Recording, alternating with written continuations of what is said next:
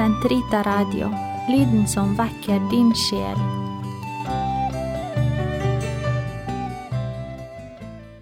De siste tinget, det som følger etter døden. Vi vet ingenting om det som skal skje i våre liv, bare at vi en gang skal dø. Jo mer dus vi er med dødens realitet, jo fyldigere blir vårt levendes liv. En av de kriser vi opplever i dag, er at mange gamle bilder, for eksempel det om engler på skyer, er borte, og de er ikke erstattet med nye. Men egentlig sier Bibelen oss mye om døden, blant annet i første Korinterbrev 1312. Nå ser vi som i et speil i en gåte, da skal vi se ansikt til ansikt. Nå forstår jeg stykkevis, da skal jeg forstå fullt ut, slik Gud kjenner meg fullt ut. Gud erkjenner alt hos oss, helt ned til hvert minste molekyl. Slik skal vi også en gang erkjenne Gud fullt ut. Innledning Det eneste som er sikkert i livet, er at vi en gang skal dø. I våre dager blir døden fortrengt på alle bauger og kanter. Under viktorianismen på 1800-tallet var det seksualiteten som ble fortrengt, men døden var man fortrolig med. Likskjorta hang i skapet, og svært fattig måtte man være hvis man ikke hadde en hundrings i banken øremerket begravelse. Bibelen taler mye om de siste ting, og av og til noe uklart og usammenhengende. Vi skal derfor ikke undre oss over at eskatologien har vært gjenstand for konfesjonell uenighet, særlig hva purgatoriet, skjærsilden, angår. Den katolske kirke gjør ikke krav på å vite alt om disse siste ting. Til syvende og sist dreier det seg om mysterier vi ikke makter å lodde dybden i. I sin dogmatikk nevner kirken kun at disse forskjellige muligheter etter døden eksisterer.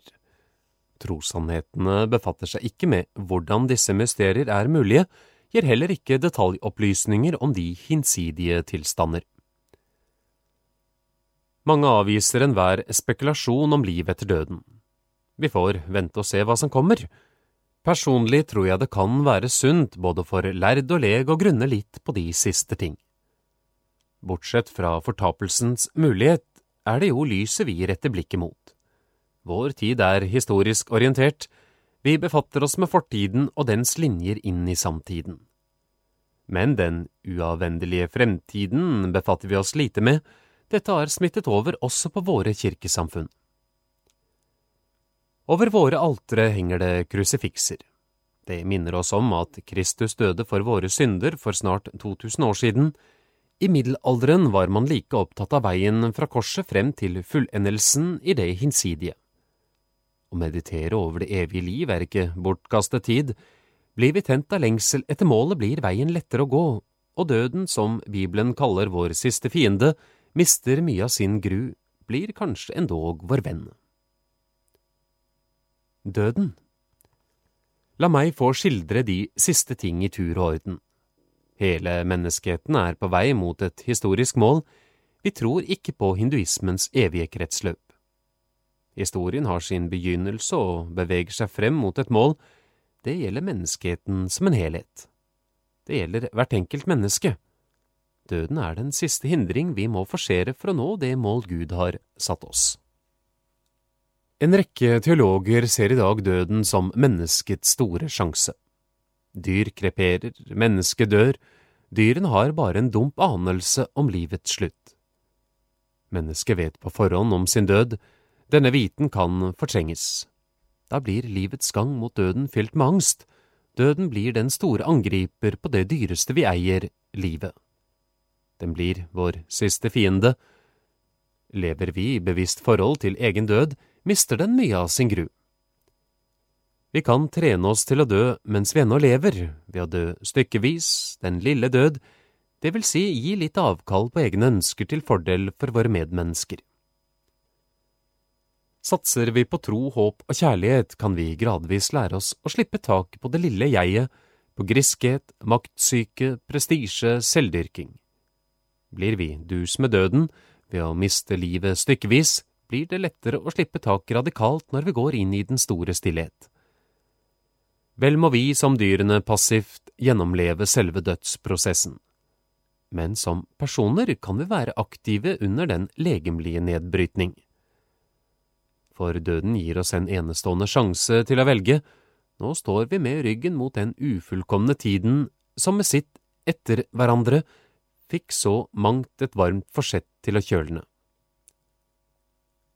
Nå har vi verden med dens oppstykkethet bak oss, de mange små muligheter til sjusket livsførsel, from fornyelse, feig tilbaketrekning er forbi. Vi står med brystet mot den tidløse evigheten. Det valg vi nå tar gjelder for all evighet. Som treet faller, slik blir det liggende.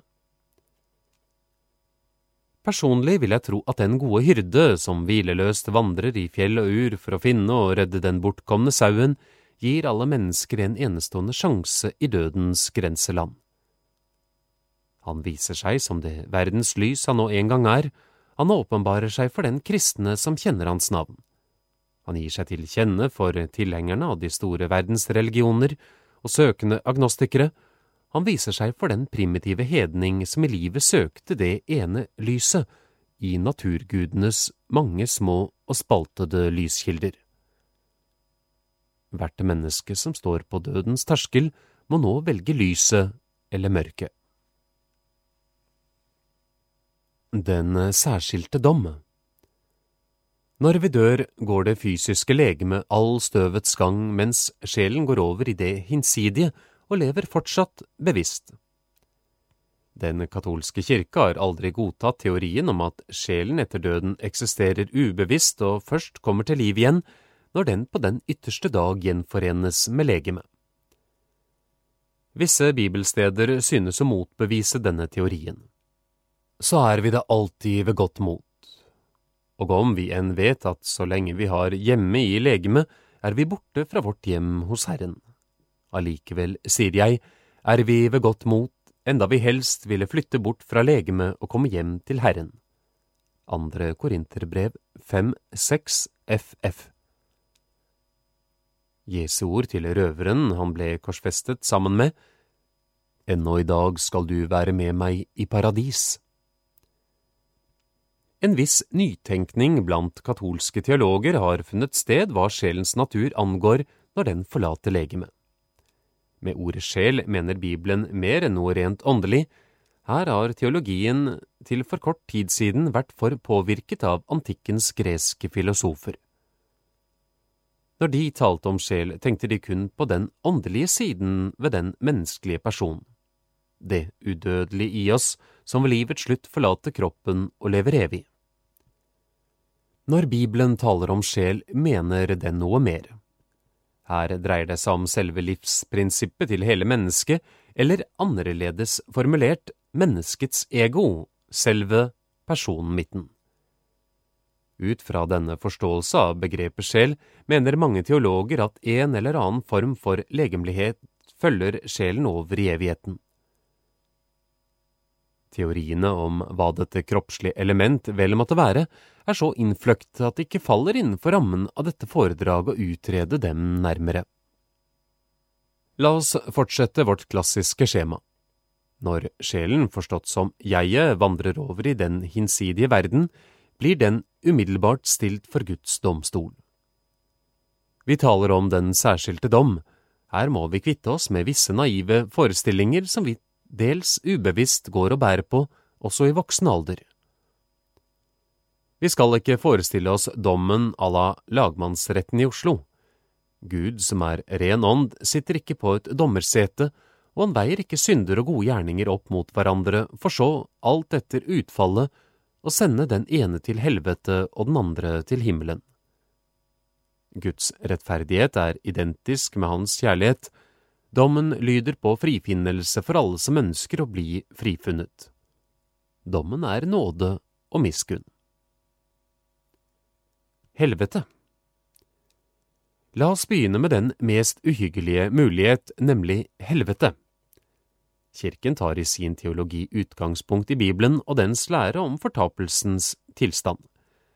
Her har vi mange bibelsteder å holde oss til, både i Det gamle og Nye testamentet. Matteus 12,41, Matteus 10,28, Matteus 5,29, Matteus 25, 41–42. De fleste eksegeter, bibelteologer, mener det her dreier seg om autentiske Jesusord og ikke urkirkens katekese. Hva disse bibelstedene fremhever, er muligheten for å gå fortapt. Bibelen har aldri uttalt seg om hvorvidt mange, noen eller et eneste menneske har valgt denne muligheten, og det har da heller ikke den katolske kirke. Vi har lov til å håpe at alle mennesker når det herlige mål de er skapt for, beskuelsen av Gud i himmelen. Vi håper, men vi vet ikke. Hvis noen går fortapt, er det fordi de selv velger denne mulighet like inn i døden, og Gud respekterer den menneskelige frihet til de grader at han tillater at så skjer. Det er en tanke som stadig går igjen i teologisk litteratur. Eskatologiske fenomener som helvete og himmel tar i sin spede begynnelse til allerede her og nå i dette liv. Våre erfaringer fra det 20. århundre viser at det står i menneskets makt å omskape jorden til et helvete. Våre tanker går til konsentrasjonsleirene i vest og øst og til de uhyggelige massakrene på verdens slagmarker eller forsøk på å utrydde hele folkeslag.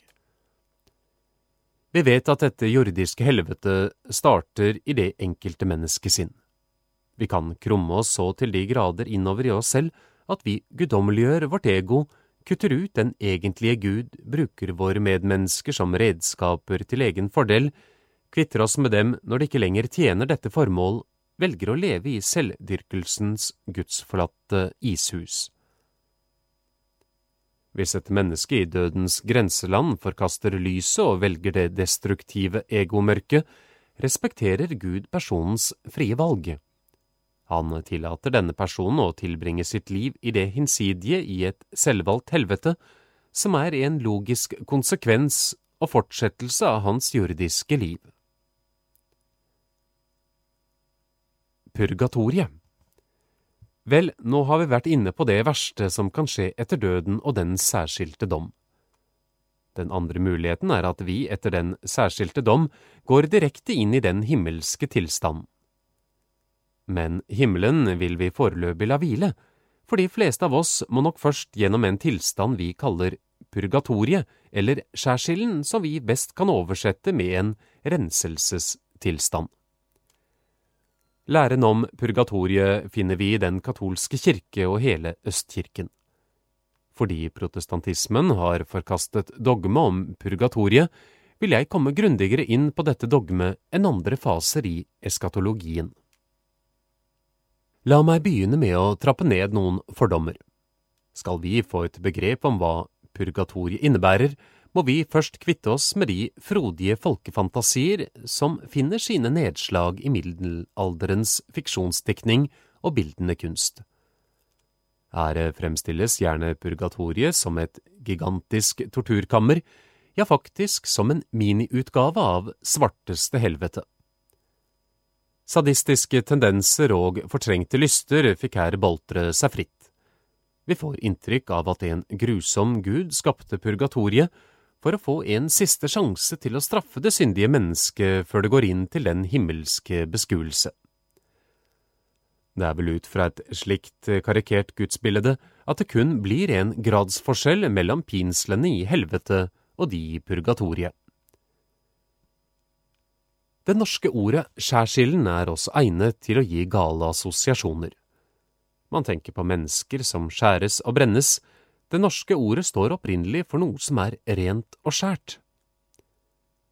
På grunn av denne misforståelsen foretrekker vi å bruke ordet purgatorium, som kan oversettes med renselsestilstand. Det er viktig å være klar over at de fleste falske forestillinger om purgatoriet er grums fra folkedypet som intet har å gjøre med kirkens lære om renselsestilstanden. Vi skal se at kirkens lære om purgatoriet er ytterst nøktern og sparsommelig.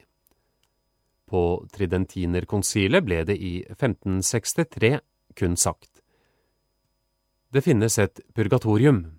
De sjeler som blir holdt tilbake der, blir hjulpet når de troende ber for dem, særlig når messen blir lest for dem.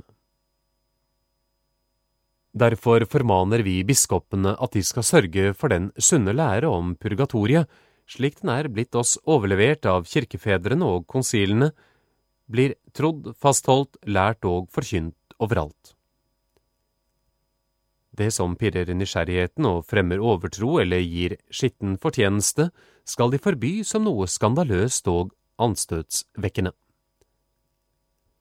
La oss summere opp punktene i denne teksten.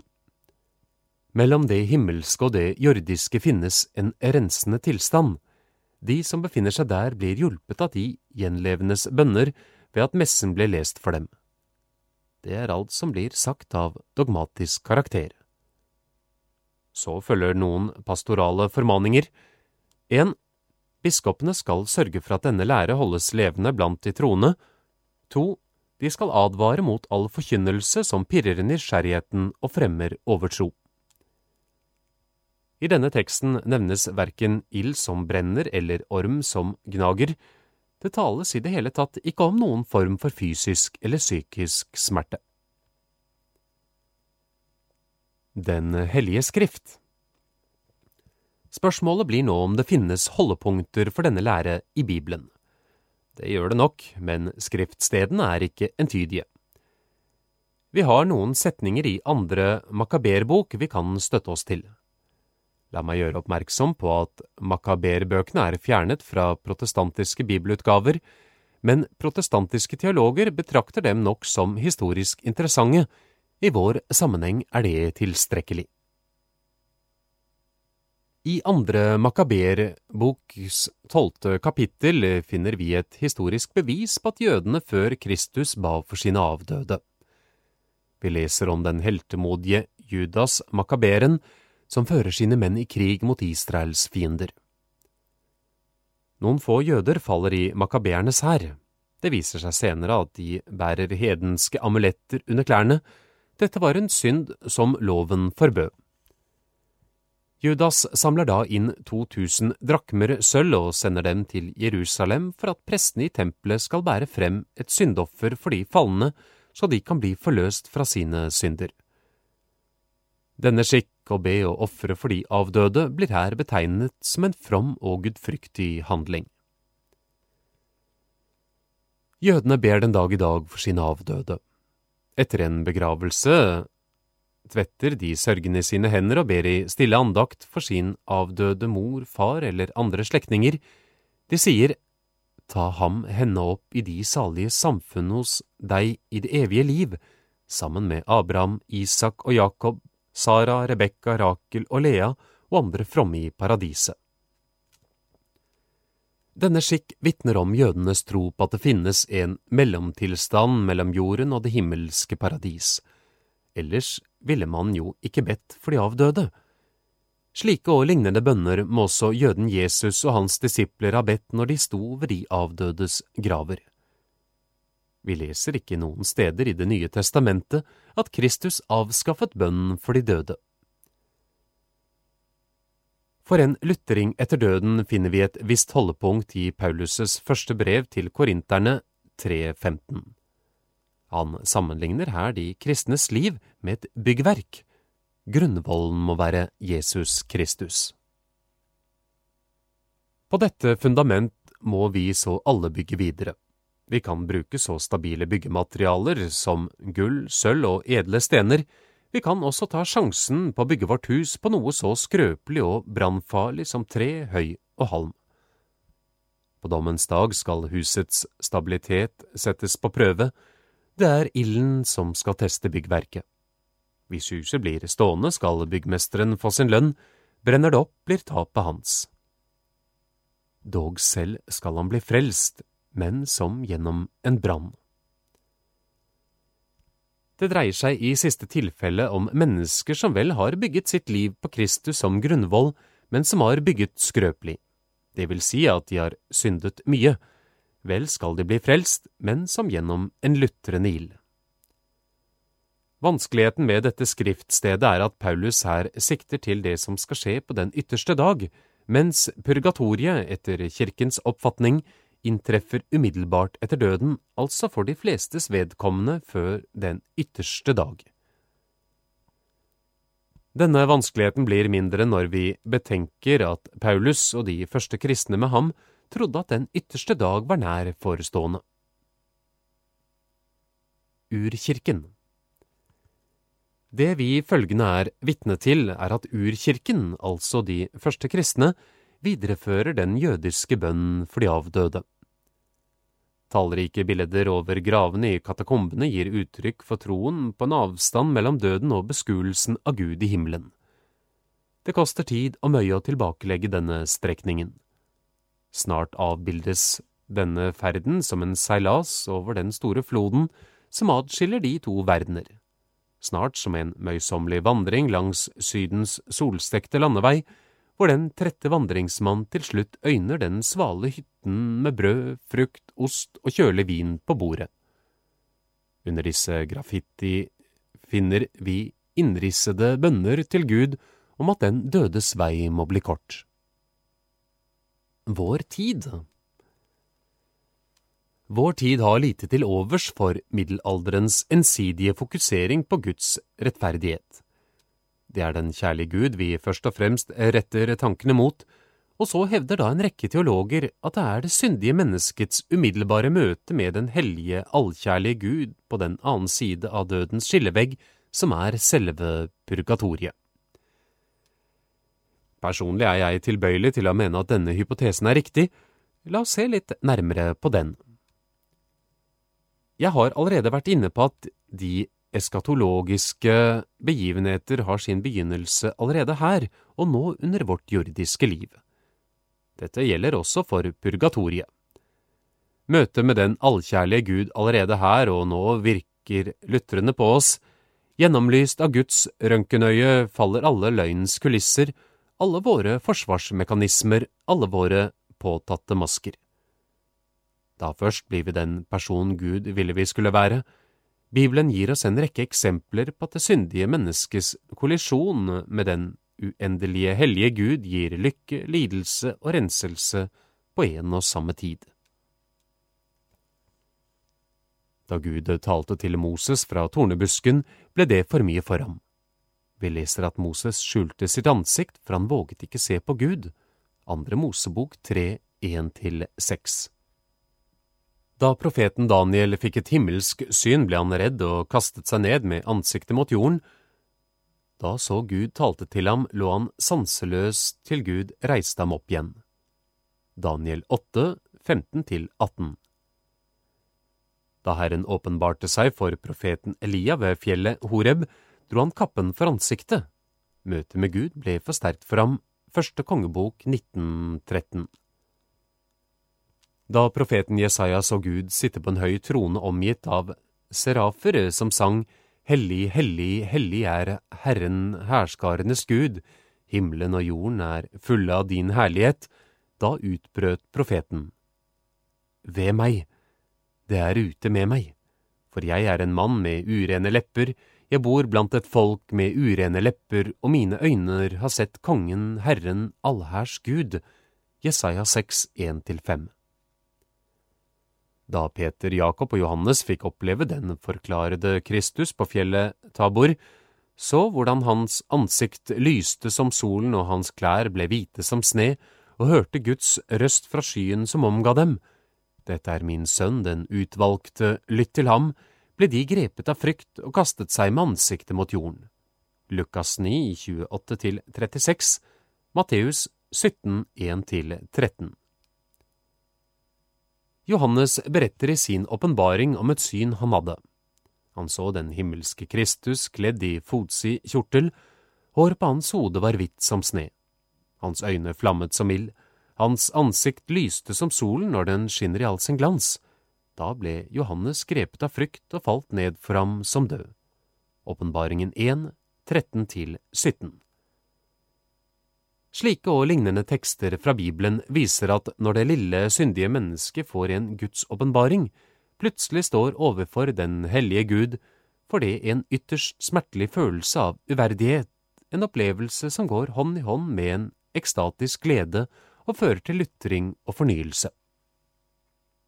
Hvis vi nå projiserer disse opplevelsene inn i det hinsidige og, for igjen å uttrykke oss naivt, multipliserer betraktelig, befinner vi oss midt i purgatoriet.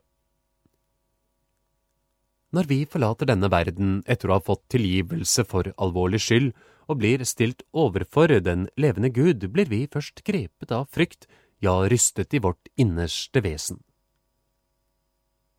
Møtet med Guds hellighet gjør oss vår egen uhellighet bevisst, Hans brennende kjærlighet åpenbarer vår ukjærlighet.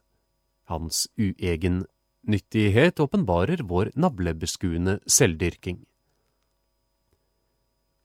Dette er noe vi alle kan få oppleve, også når vi har levd vårt liv i tro, håp og kjærlighet, også når vi stadig har bekjent vår skyld og fått tilgivelse. For synden gir oss sår. Den skaper gale holdninger, forsaker feilutviklinger. Vårt hovmod gjør oss blind for den vi er, vi trekker livsløgnens maske over all vår tilkortkommenhet, vår uegentlighet. Åpenbaringen etter døden av Guds uendelige hellighet gjør det lysende klart for oss at vi ikke har levd opp til den tanke Gud hadde om oss før vi ble skapt, og at vi ikke har brukt de talentene han ga oss i vuggegave. Vi våget ikke å være oss selv, vi ble slaver av andres meninger. Vi lot oss hjernevaske av medienes holdninger, vi gikk inn i en konformitet som dypest inne stred mot vår samvittighet. Vi våget ikke å være enere som ropte til massen, dere tar feil. Vi lot oss friste i ørkenen til å tilbe skapningen i stedet for skaperen, og vi falt.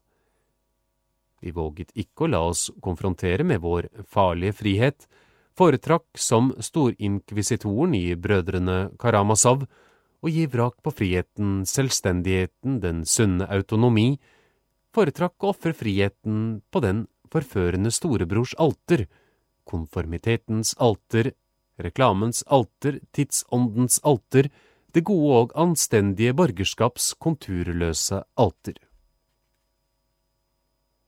All denne synd blir i anger tilgitt når vi dør, men holdningene, sårene, tar vi med oss over evigheten. Vi er fortsatt urene, og ifølge Bibelen skal intet urent gå inn i himmelen. Åpenbaringen 21-26. Derfor må vi, før vi går inn til den fulle Guds beskuelse, renses for all urenhet. Dette skjer i møte med Guds blendende lys umiddelbart etter døden. Gjennomlyst av Guds røntgenøye faller alle løgnens kulisser, alle våre forsvarsmekanismer, alle våre påtatte masker.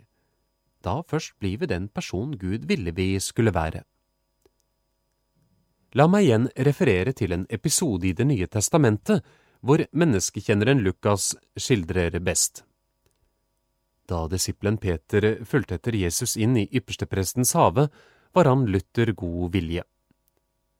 Flyktet hadde han gjort da mesteren ble tatt til fange. Svikten skulle gjenopprettes, men da han ble gjenkjent som Jesu disippel, fikk feigheten atter overtaket. Der sto han og bannet og sverget på at han ikke kjente dette mennesket. I samme øyeblikk ble Jesus ført ut av yppersteprestens hus. Jesus bare så på Peter. Han bare så på ham uten å si et ord. Peter gikk ut av haven og brast i gråt. Jesu blikk gjennomboret Peters skinn. Han så seg selv med Jesu øyne. Blikket fra hans guddommelige venn fikk hans oppskrytte selvbilde til å rause sammen. Jesu blikk lutret ham. Han valgte ikke å nå håpløshetens desperate handling, som Judas.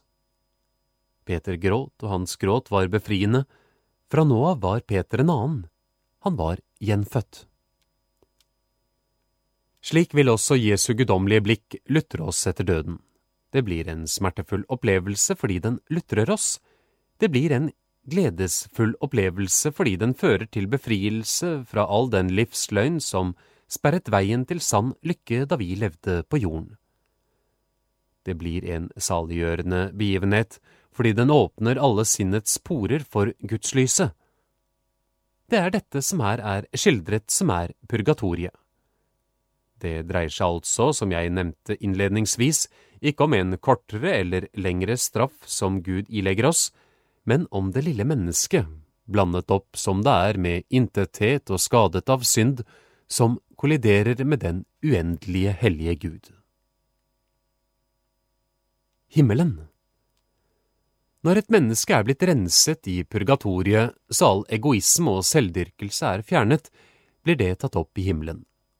Hvis et menneske dør i helt lutret tilstand, blir det tatt opp i himmelen uten først å måtte renses i purgatoriet. Det er fåfengt å spekulere over hvem og hvor mange det her kan dreie seg om, hva med helgenene, for eksempel? Også himmelen er en eskatologisk størrelse som begynner allerede her og nå mens vi lever på jorden. Kristus sier jo, Den som tror har allerede det evige liv. Johannes 5, 25.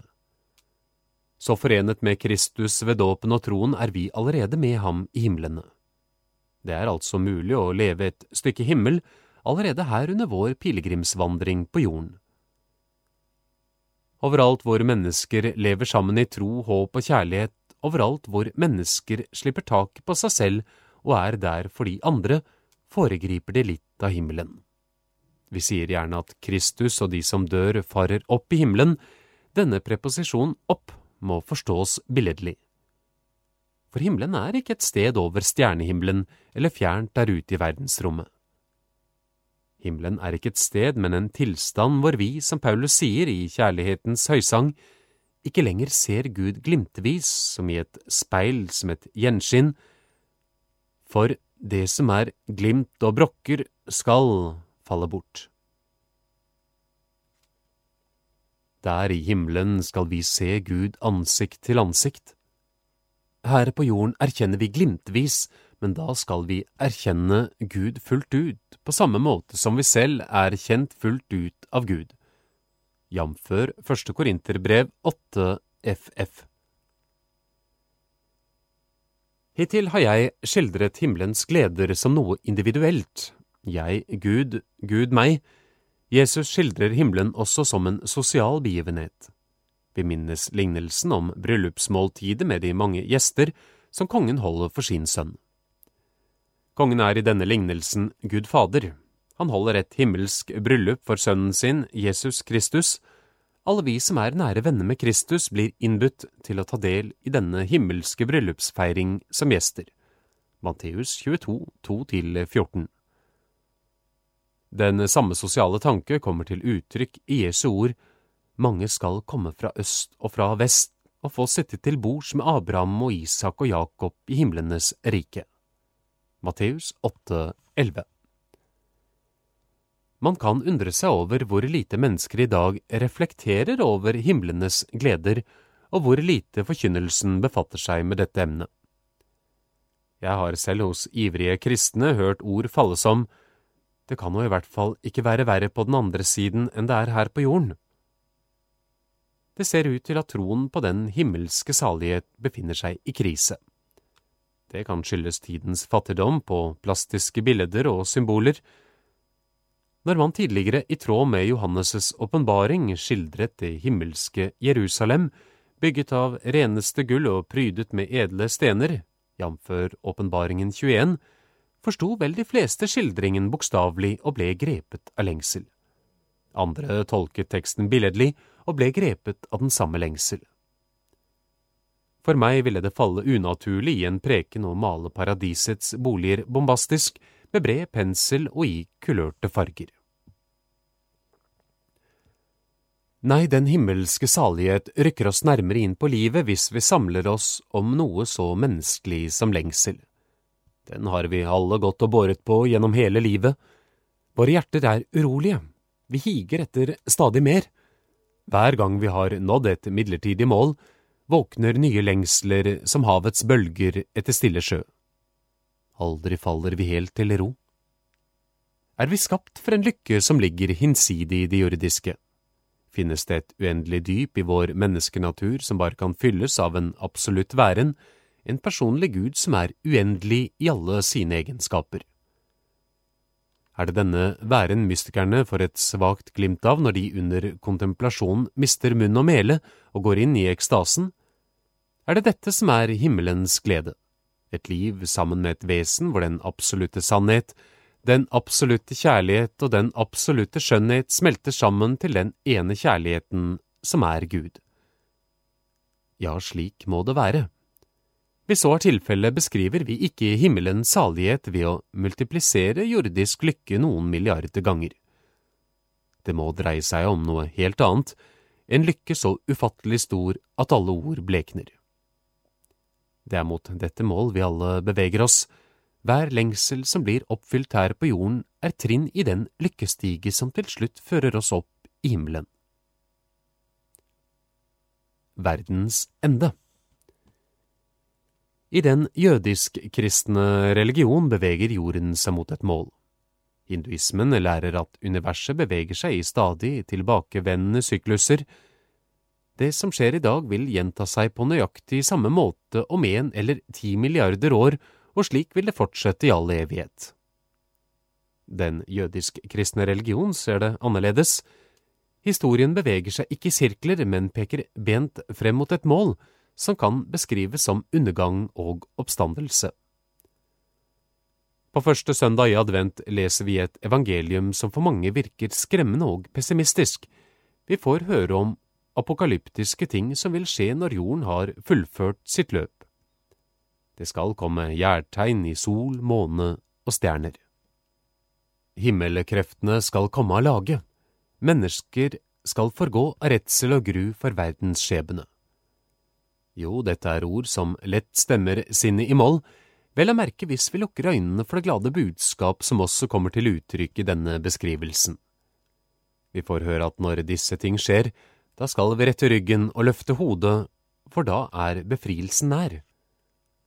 For da skal vi få se menneskesønnen komme i skyen i all sin makt og herlighet, og vi skal få se ham ansikt til ansikt, jf. Lukas 21, 25–28 og 34–36. Når dette vil finne sted, vet vi ikke. Det har vi Jesu ord på, så alle spekulasjoner om år, dag og time er spilt energi. Men når tiden nærmer seg, vil vi se tegn som viser at verdens ende er nær forestående, jf. Lukas 21, 30–33. Oppstandelsen fra de døde det som da vil skje, er at kroppen til de avdøde vil stå opp av gravene og gjenforenes med sjelen. De aller fleste mennesker som har levd på jorden, vil da ha lagt bak seg døden, den særskilte dom, purgatoriet, og befinner seg i himmelen. Men på tross av den uendelige lykke de opplever i himmelen, er det fortsatt noe som mangler. Sjelen lengter etter å gjenforenes med kroppen. Det hele mennesket er jo ikke bare sjel, men sjel og kropp. Denne gjenforeningen skjer nå på den ytterste dag når våre legemer står opp av graven. Ikke alle liker denne tanken. Kanskje var de pukkelrygget da de levde på jorden, og de spør, må jeg bære på denne stygge pukkelen også i himmelen? Eller man gikk gjennom livet med mindreverdighetskomplekser fordi nesen var for kort eller for lang og kroppen for tung eller for lett, og man spør, vil disse skavankene fortsette når sjel og legeme gjenforenes? Slike bastante tanker skal vi kvitte oss med. For hva ligger nå egentlig i dette begrepet kjødets oppstandelse, som vi bekjenner oss til hver søndag under trosbekjennelsen? Vi kan vel ikke helt utelukke at vi får tilbake den gamle kroppen vår molekyl for molekyl, atom for atom, men en annen teori finner jeg mer sannsynlig. Da vi ble unnfanget i mors liv, skapte Gud en sjel som passet nettopp til den kropp som ble til i mors liv.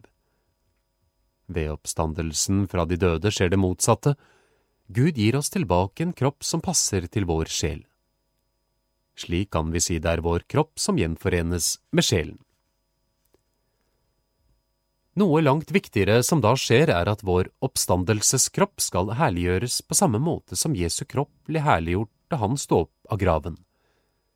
Paulus skriver jo i Filipperbrevet, Vi har vårt fedreland i himlene, og derfra venter vi vår Frelser, Herren Jesus Kristus.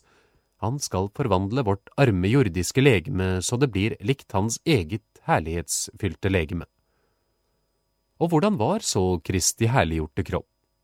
Jo, Kristus kunne etter sin oppstandelse gå tvers gjennom dører og vegger, han kunne være på et sted det ene øyeblikket og straks etter på et annet sted langt unna.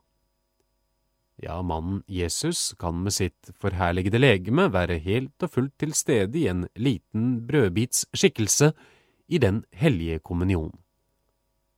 Jesu legeme ble åndeliggjort og er ikke lenger avhengig av tid og rom. Slik skal også vårt legeme, vår kropp, bli etter oppstandelsen fra de døde. Dommedag Etter oppstandelsen fra de døde følger dommedag, den universelle dom. Den blir skildret i all sin dramatikk av evangelisten Matteus. Han eh, skriver, Når menneskesønnen kommer i sin guddomsglans, omgitt av alle sine engler, da skal han ta plass på den trone hvor Guds herlighet stråler. Da skal alle folkeslag samles om ham, og han skal skille dem fra hverandre som en gjeter skiller sauer fra geiter. Sauene skal han stille til høyre for seg og geitene til venstre. Så skal han si til sauene, altså de som har gjort godt i livet, Kom, dere som min far har velsignet, og ta i eie det riket som er gjort rede for dere fra verdens grunnvoll ble lagt. For jeg var sulten, og dere ga meg mat. Jeg var tørst, og dere ga meg å drikke. Jeg var hjemløs, og dere tok dere av meg.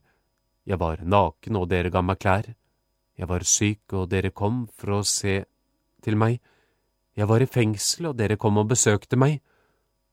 Alt dere har gjort mot selv den ringeste av mine brødre, har dere gjort mot meg. Til geitene, altså de som har gjort ondt i livet, vil han si det samme, men med negativt fortegn. Gå fra meg, forbannede, til den evige ild som er gjort i stand for djevelen og hans engler. Jeg var sulten, men dere ga meg ingenting å spise.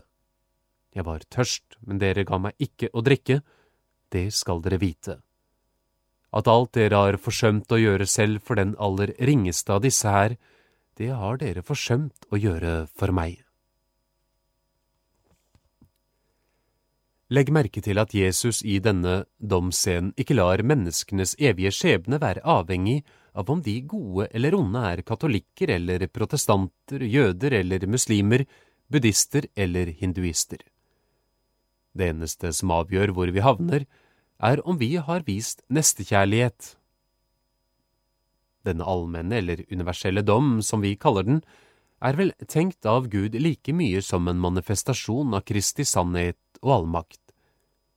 Da han levde iblant oss, ble han motarbeidet, spottet og spyttet på, torturert og korsfestet. Den oppstandende Kristus som lever sitt hemmelighetsfulle liv videre i kirken, lider den samme skjebne. Millioner av mennesker har avvist ham i dyp forakt, like mange har forfulgt og drept hans disipler. På dommens dag skal alle mennesker, gode så vel som onde, innse at Jesus er veien, sannheten og livet, og bøye kne for ham. Den nye himmel og den nye jord I andre Peters brev 3.13 skriver apostelen. Vi skal se frem til hva Han, Gud, har lovet, nye himler og ny jord hvor rettferdighet bor. Når vår jord har nådd sin historiske fullendelse, skal den ikke vende tilbake til det store intet den kommer fra, men forvandles til den nye jord. Men to viktige endringer vil finne sted. Alt som ble skapt av synd og ondskap vil forsvinne, mens alt som ble bygget i kjærlighet vil bestå. Jeg siterer fra konsilsdokumentet Kirken i verden av i dag, 39. Vi lærer at Gud forbereder en ny bolig og en ny jord, rettferdighetens hjem. Det som blir sådd i skrøpelighet og forgjengelighet, vil bli kledd i uforgjengelighet. Kjærligheten og dens verk vil bli stående, og alt det som Gud har skapt for menneskenes skyld, vil bli frigjort fra den forgjengelighet det nu treller under. Det er de samme verdier vi vil finne igjen på den nye jord som på den gamle, menneskeverd, brorskap og frihet, alle de verdier som naturen har skapt og som vår kultur har frembrakt. Vi vil finne dem igjen fri for all urenhet, forklaret og forvandlet. Den største forandring vil være at den nye jord vil bli herliggjort, som Kristi legeme og de frelstes legemer er herliggjort. Paulus kommer utførlig inn på dette i Romerbrevets åttende kapittel 19–23. Han taler om at nå er skapningen intetheten underlagt, men den har et håp å se frem til, for selv skapningen skal bli befridd fra forgjengelighetens slaveri og få del i den frihet som Guds barn i sin herlighet eier. Hvordan dette vil skje, og hvordan den nye herliggjorte jord vil se ut og oppleves, vet vi ikke. Men en viktig slutning kan vi trekke. Alle de gjerninger vi utfører på jorden, bør skje i kjærlighet til Gud og nesten, for da er vi med på å fremskynde og forberede det nye jord. Det som teller er ikke hva vi gjør, om vi skreller poteter, måker snø eller holder en tale på Stortinget, det er sinnelaget som teller. Gjerninger som er gjennomsyret av kjærlighet, har evighetsverdi, de vil fortsatt bestå på den nye jord under den nye himmel.